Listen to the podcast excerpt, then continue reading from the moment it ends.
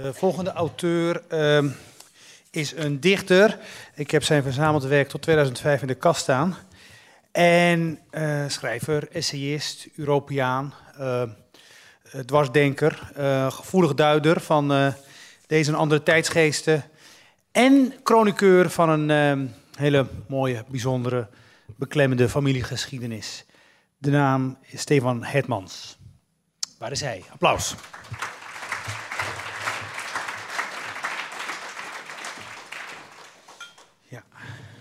Heb ik u zo goed geïntroduceerd? Ik ben sprakeloos. Nou, dan is het gesprek voorbij. Ja. ja. Maar daar geloof ik helemaal niks van, dat u sprakeloos bent.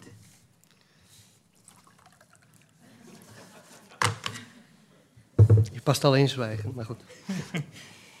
um, ik, toen uw collega-auteur Proest in Parijs uh, uh, die onttijding van de Eerste Wereldoorlog zat af te wachten.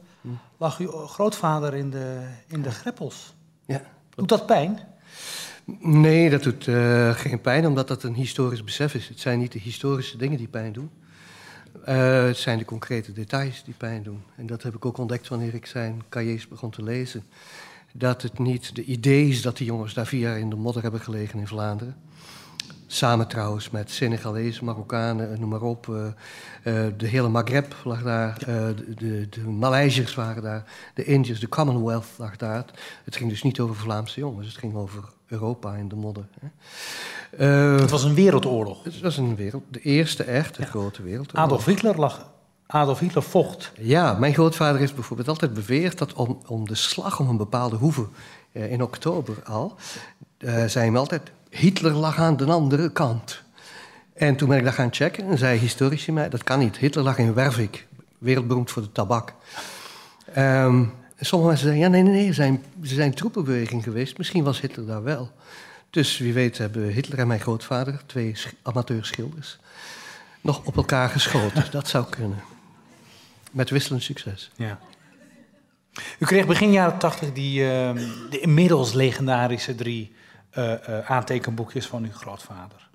U was. Ehm, maar lag dat voor de hand dat, hij, dat hij u die boekjes zou geven? Want u was losgezongen van de familie, hm. van, de, van de religie, van, van, van het Vlaamse. Hm. Uh, u, u, u, uw grootvader had een bepaalde. Uh, langharig. Uh, noemde u net, nog net geen langharig tuig? Ja, werkzuur erbij. Ja.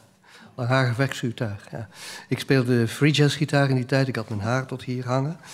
ik had mijn eigen hennepplant, die zo hoog waren dat ik eronder zat te lezen.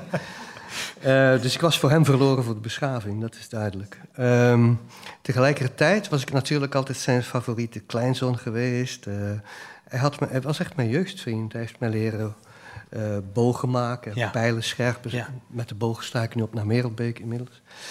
Um, dus hij heeft op mij een heel grote impact gehad. Ik had een klein schildersezeltje. We gingen samen schilderen in kasteeltuinen. En dan stond ik dus met olieverf en een eigen paletje. Dus die man is voor mij ontzettend belangrijk geweest. En ik denk ik ook voor hem. Dus dat verklaart dat hij dan toch een paar maanden voor zijn dood zoiets had van... ja, als ik het al aan iemand moet geven, zal het wel aan jou zijn. Neem maar mee.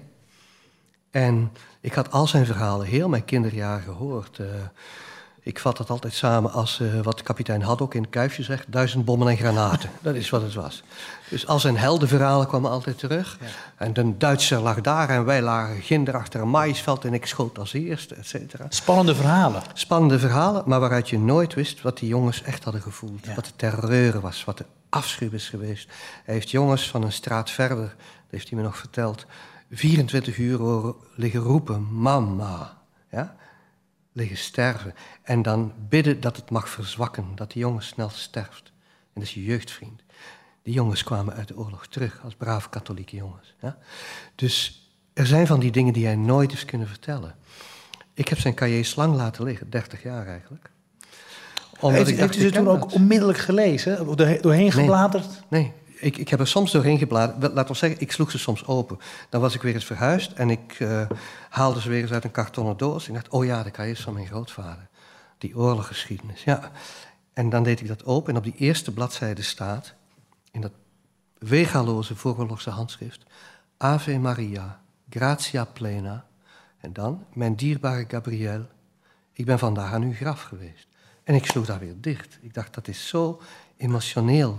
Dat pakt. Gabriel was zijn vrouw. Dat was, was, mijn grootmoeder. Ja. Uh, ik kan, de, de, ik kan de, het nu niet. De, de, zus van de vrouw met wie die had willen trouwen en die, uh, Ja. die, die, die overleed aan, uh, aan een ziekte. Ja, je moet rekenen. De, Eerste Wereldoorlog heeft met al zijn ellende tussen de 10 en 12 miljoen mensen geëist. Dat we alleen al zeggen tussen de 10 en 12 betekent dat over 2 miljoen zonen van moeders niet zeker zijn. Ik bedoel, om je de absurditeit van die oorlogsmachine duidelijk te maken van wat daar in Noord-Frankrijk en Vlaanderen is gebeurd. Maar in 1919 breekt de Spaanse griep uit. Dit was een infectie die, waarvan we vermoeden dat ze uit Amerika kwam. En er zijn al sporen van in 1912, 13 voor de oorlog. Maar die infectie is als een, een over de planeet gegaan, omdat de mensen uitgeput waren en omdat ze met elkaar grote feesten hielden om de vrede te vieren.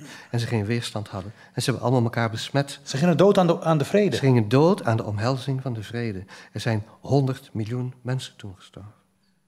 Dat Waar, waaronder de, de, de, grootste liefde. En eh, mijn grootvader had net na die oorlog een vrouw leren kennen die een beetje leek op zijn moeder. Een grote, dwingende gestalte. Want ik vind eigenlijk de vrouw in mijn boek, de, de, dat zijn de speelfiguren van het boek, vind ik. En hij bewonderde heel erg zijn moeder. En dat was eenzelfde soort van dwingende jonge vrouw. En die vrouw sterft aan de Spaanse griep. Er was nog geen kinine, er was nog geen antibiotica. Gruwelijke dood. En toen heeft zijn moeder gedacht, mijn, groot, mijn overgrootmoeder, dat hij zich van kant zou maken. Is ze zijn enige pistool wat hij nog had uit de oorlog in de Schelde gaan gooien. Dat ze dacht, mijn jongen zal zich willen van kant maken. Dat heeft hij niet gedaan, want hij was katholiek. To the bone. Je moest leven, je moest aanvaarden. En heel die aanvaarding, hij is dan ook getrouwd inderdaad met haar oudere zus. Ik heb onlangs via iemand die ik niet kende een foto gekregen van die twee zussen. De een is de zwaan, dat zie je zo. De jonge, flamboyante, schitterende vrouw. En de andere is een beetje, het, het, het is niet het lelijke eendje, maar ze is toch in elk geval wel een ander soort vogel. En ze is trager, ze is kleiner, ze is wat geblokter en ze is timide en introvert. Uw oma. Ja, en wat natuurlijk in die tijd gebeurde. eh, die man, die een rijke aardappelboer was, die was rijk geworden in de oorlog met zijn aardappelen natuurlijk, want dat was schaars.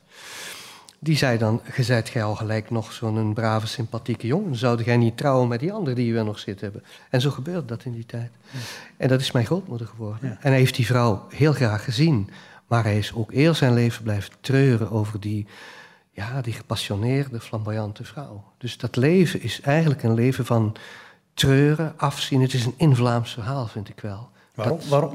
om, omdat ze dat treuren zwijgend op zich namen. Dat introverte, dat doorgaan, dat katholieke ook. En dan zich dat troosten met die schilderkunst. Heel zijn leven die grote meesters kopiëren. Wanneer hij 72 is, begint hij aan de kopie van een schilderij van de heilige Martinus, want hij heette Martin van zijn familienaam, ehm, die zijn mantel in tweeën scheurt. Dus een schilderij van eh, Van Dijk. Er is één kopie in Buckingham Palace bij de koningin. En het andere hangt verloren in een kerkje in Zaventem. Dat heeft, de kerk heeft u op, opgezocht. Ja, maar ik heb Ja. ook achteraf beseft, hij heeft de slag in Zaventem meegemaakt in 14. Hij is daar waarschijnlijk sidderend gaan zitten beven aan het altaar van, van, van de heilige Martinus. En hij heeft misschien ooit, zoals ik beloofd heb dat ik zijn cahiers ging uitschrijven, heeft hij waarschijnlijk ooit beloofd, ik zal dat naschilderen als ik blijf leven na de oorlog. En hij is 70 wanneer hij dat doet. Hij is ook 70 wanneer hij begint zijn memoires uit te schrijven. 50 jaar na datum. Dus dat leert je ook iets over hoe mensen vroeger omgingen met wat wij post-traumatic stress syndrome noemen. Maar die mensen kenden geen Freudiaans. Het woord frustratie bestond niet, het woord trauma bestond niet. Dat was bidden en je hoofd buigen en huilen als je muziek hoorde. Maar, maar hij, hij brak wel op een gegeven moment. Op een gegeven moment is hij in de jaren 50. Als Ja. ja. meen, is hij, Ja, hij heeft, ja, hij heeft als een van de eerste eh, in Slijdingen, in een psychiatrische kliniek niet ver van Gent, heeft hij waarschijnlijk als een van de eerste elektroshocks gekregen. In die tijd was dat niet zachtzinnig afgesteld. Hè. Er waren mensen van wie de ruggengraat ongeveer brak. Dus die man is naar huis gekomen, letterlijk gebroken ook. Hij heeft, heb ik altijd horen zeggen in de familie, veertien dagen zitten schreien onder zijn druivelaars en zijn serren. En hij is weer beginnen schilderen. Titiaan, Rubens, Rembrandt, Van Dijk. En dat soort ouderwets overwinnen van je trauma van die oorlog, dat vind ik toch wel erg aangrijpend. Ja. Laten we even naar wat beelden kijken van die oorlog.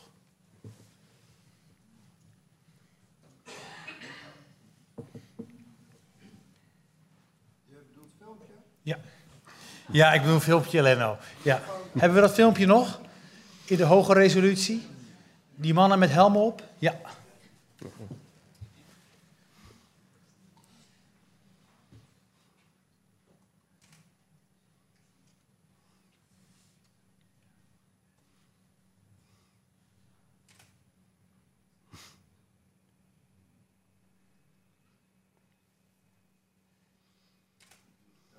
U,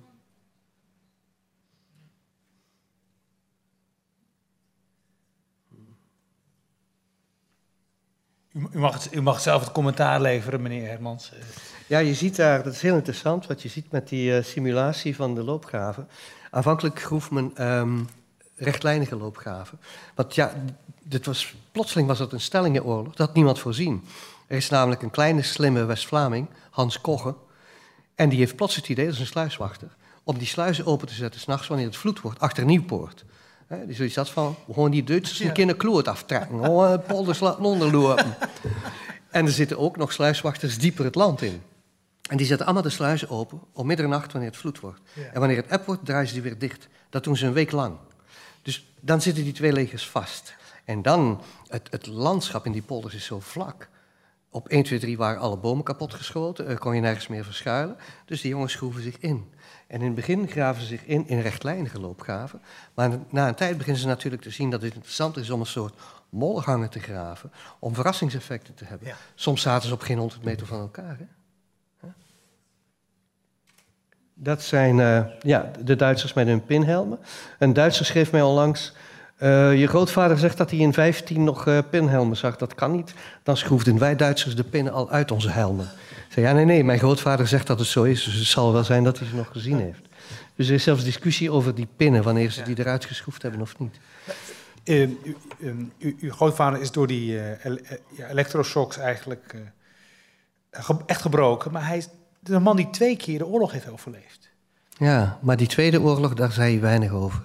Je moet rekenen, de Eerste Wereldoorlog, wij hadden uiteindelijk niets met dat internationaal conflict te maken. Uh, Oostenrijk-Hongarije wou Servië straffen voor een terroristische daad. Het neerschieten van de troonopvolger van Ferdinand. Uh, keizer Willem van Duitsland, die stabiliteit zocht in Europa... met die Duitsstalige gemeenschap, dat is van ja, ja, het is genoeg geweest daar in de Balkan.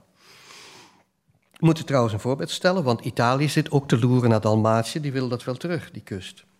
Dus het dreigde onevenwicht aan de randen van het Habsburgse Rijk. Uiteindelijk gebeurt wat altijd gebeurt. Rusland zegt, Touche mon pot. Blijf van mijn vriendje af.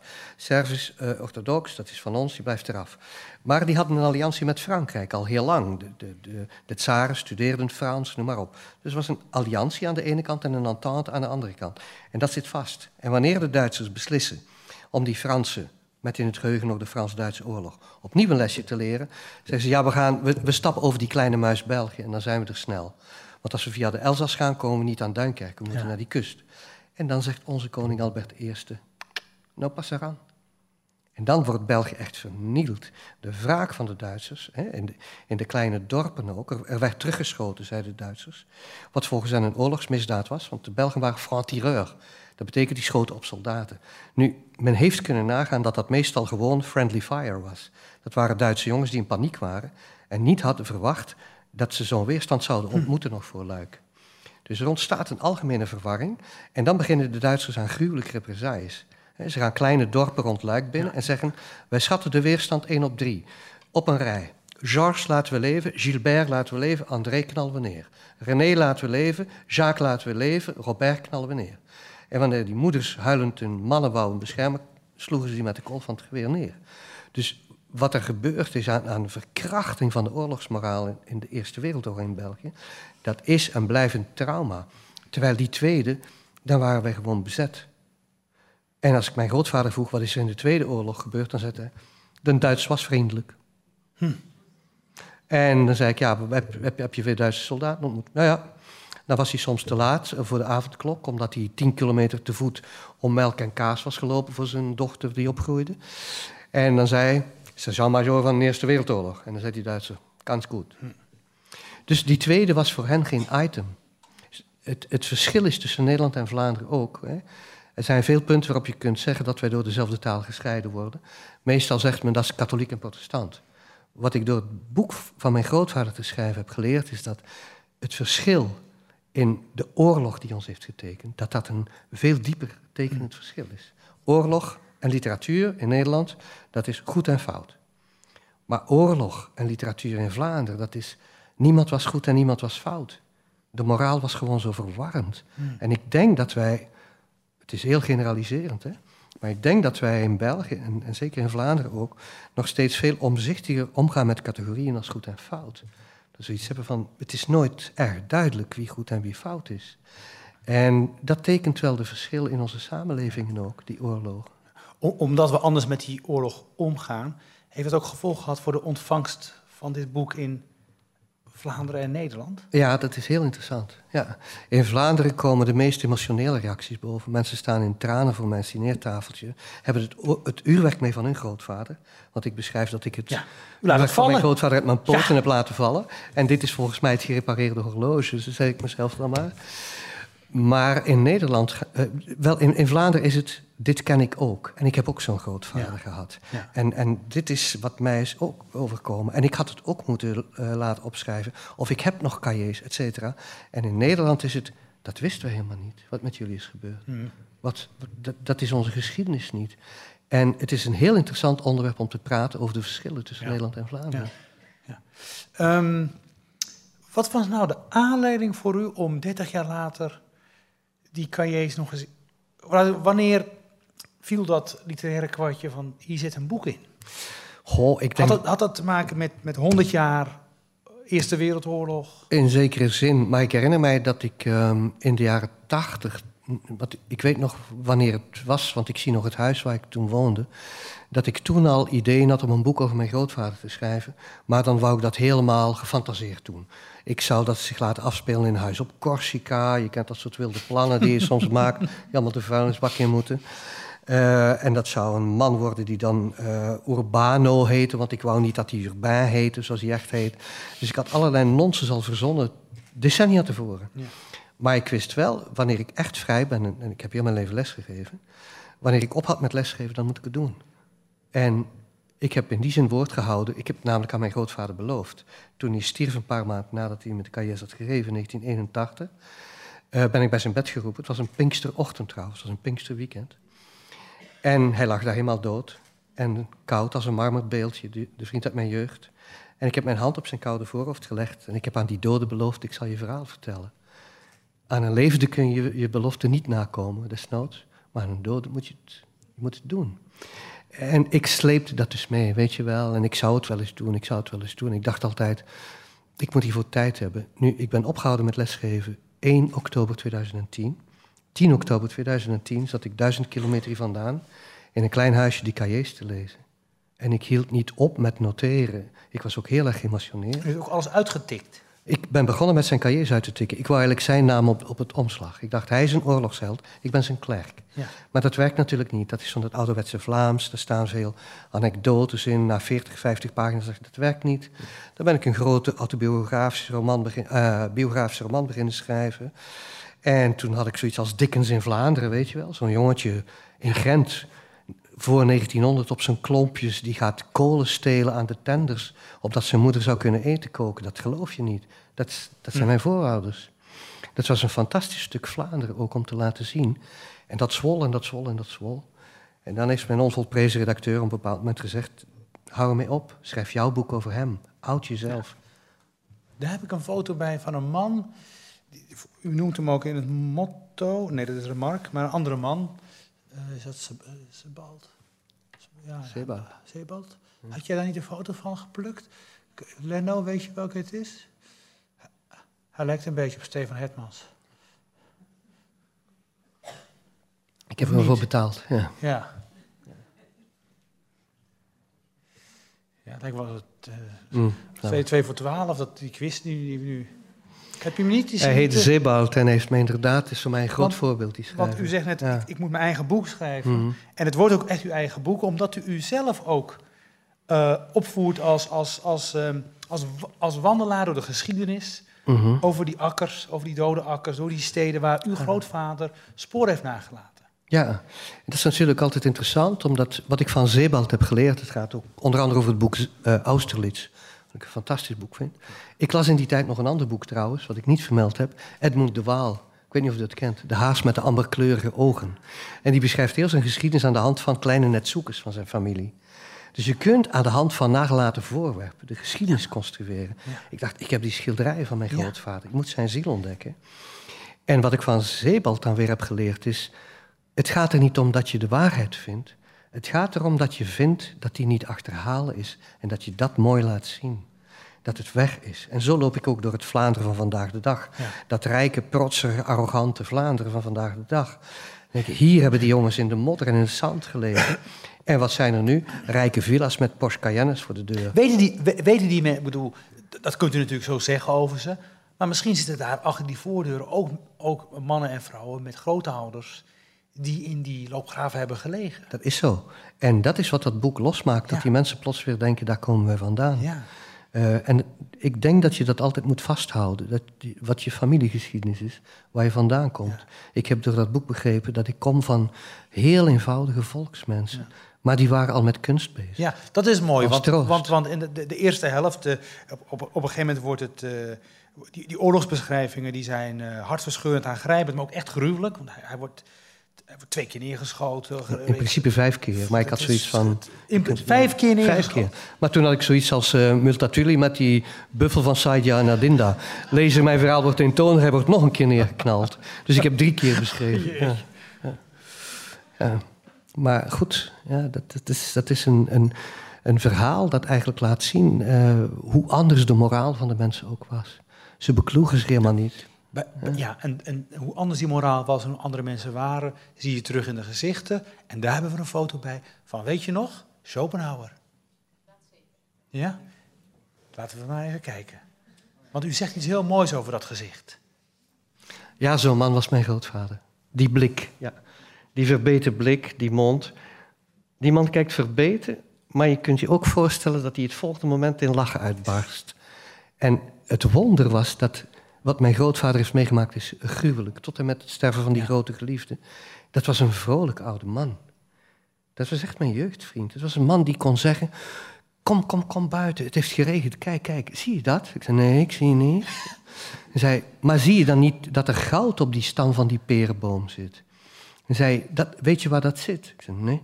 Dat zit altijd aan de westkant, want de regen slaat op de westkant en daar groeit een beetje mos op de stam. Dus als je schildert en je weet dat het licht vandaar komt en het is avond, dan moet er een beetje goud op die stam zitten. Dat zijn levenslessen. Dat, dat, is iemand die je leert kijken. En leren kijken is leren leven. Ja. En eh, dat rund van Rembrandt. Ja, ja, daar had hij heel grote bewondering voor. Hij heeft het zelf nooit nageschilderd. Uh, maar hij zei altijd wanneer hij aan de, de beestenmarkt, zoals dat heet, in Gent passeerde. als je die stierentors, het is eigenlijk een, een, een gespalkte os, hè, van Rembrandt ziet. Uh, dat is zo goed geschilderd, zei hij, dat je de stank van de beestenmarkt gewaar wordt. Hè, zijn schoon Vlaams. En hij had daar grote bewondering voor. En ik heb me vaak afgevraagd, waarom is mijn grootvader een sentimenteel schilder en een kopiist gebleven? Waarom is er geen Permeke geworden? Waarom heeft hij geen oorlogstafereelen geschilderd? Want ik beschrijf dat hm. hij leert schilderen omdat hij rottende dierenkoppen heeft gezien in zijn jeugd. Hè? Ik denk dat dat een stuk van zijn trauma was. Hij durfde het niet meer. Hij kon het rauw vlees niet meer aan. Hij kon het expressionisme niet aan. Hij kon alleen nog sentimentele mooie kunst aan. Hij verlangde naar alles wat van zijn vroeg gestorven vader was, die uiteindelijk een kerkenschilder was. Hè? Ja. En ook de muziek. Hij wou alles terug van voor die oorlog, heel zijn leven lang. De muziek. Ik, eh, aan het einde is een prachtige passage waarin u uh, in het vaderland rond, rondrijdt. Uh, u komt op een bepaalde plek die nauw verbonden is met, met uw grootvader. En dan hoort u deze muziek. Laten we er even naar luisteren.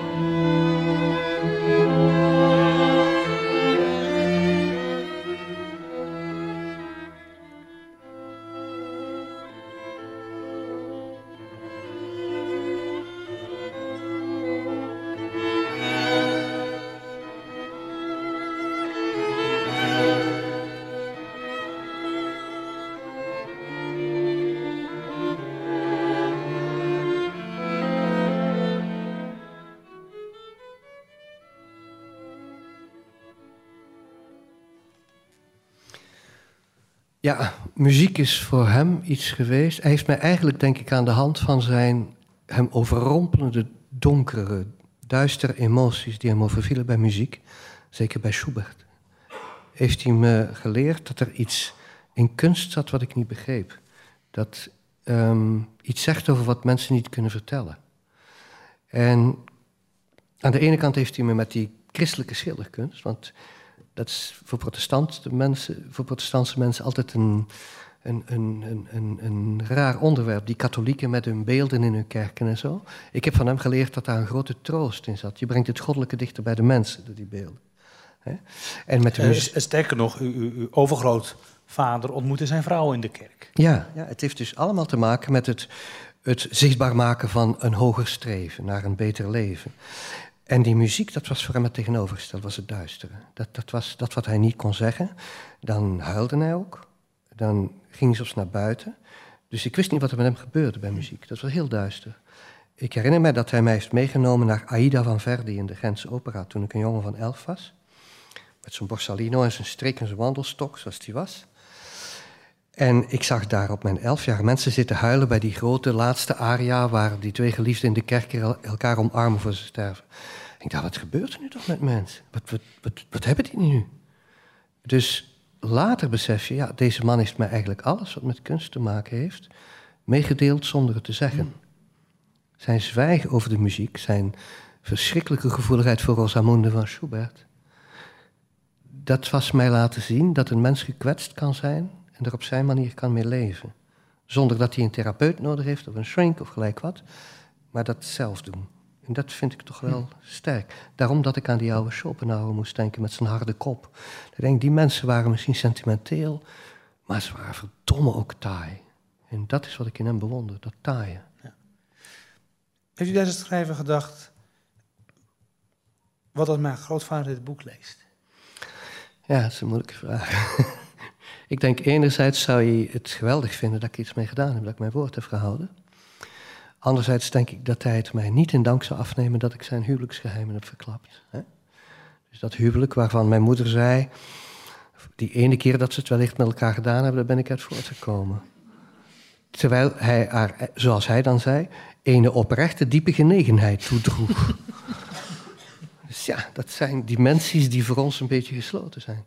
En ik denk dat hij dus heel dubbel zou zijn. Ja. Ja, de tijd is op. Dank u wel, meneer Hertmans. Prachtig boek. Oorlog en Terpentijn.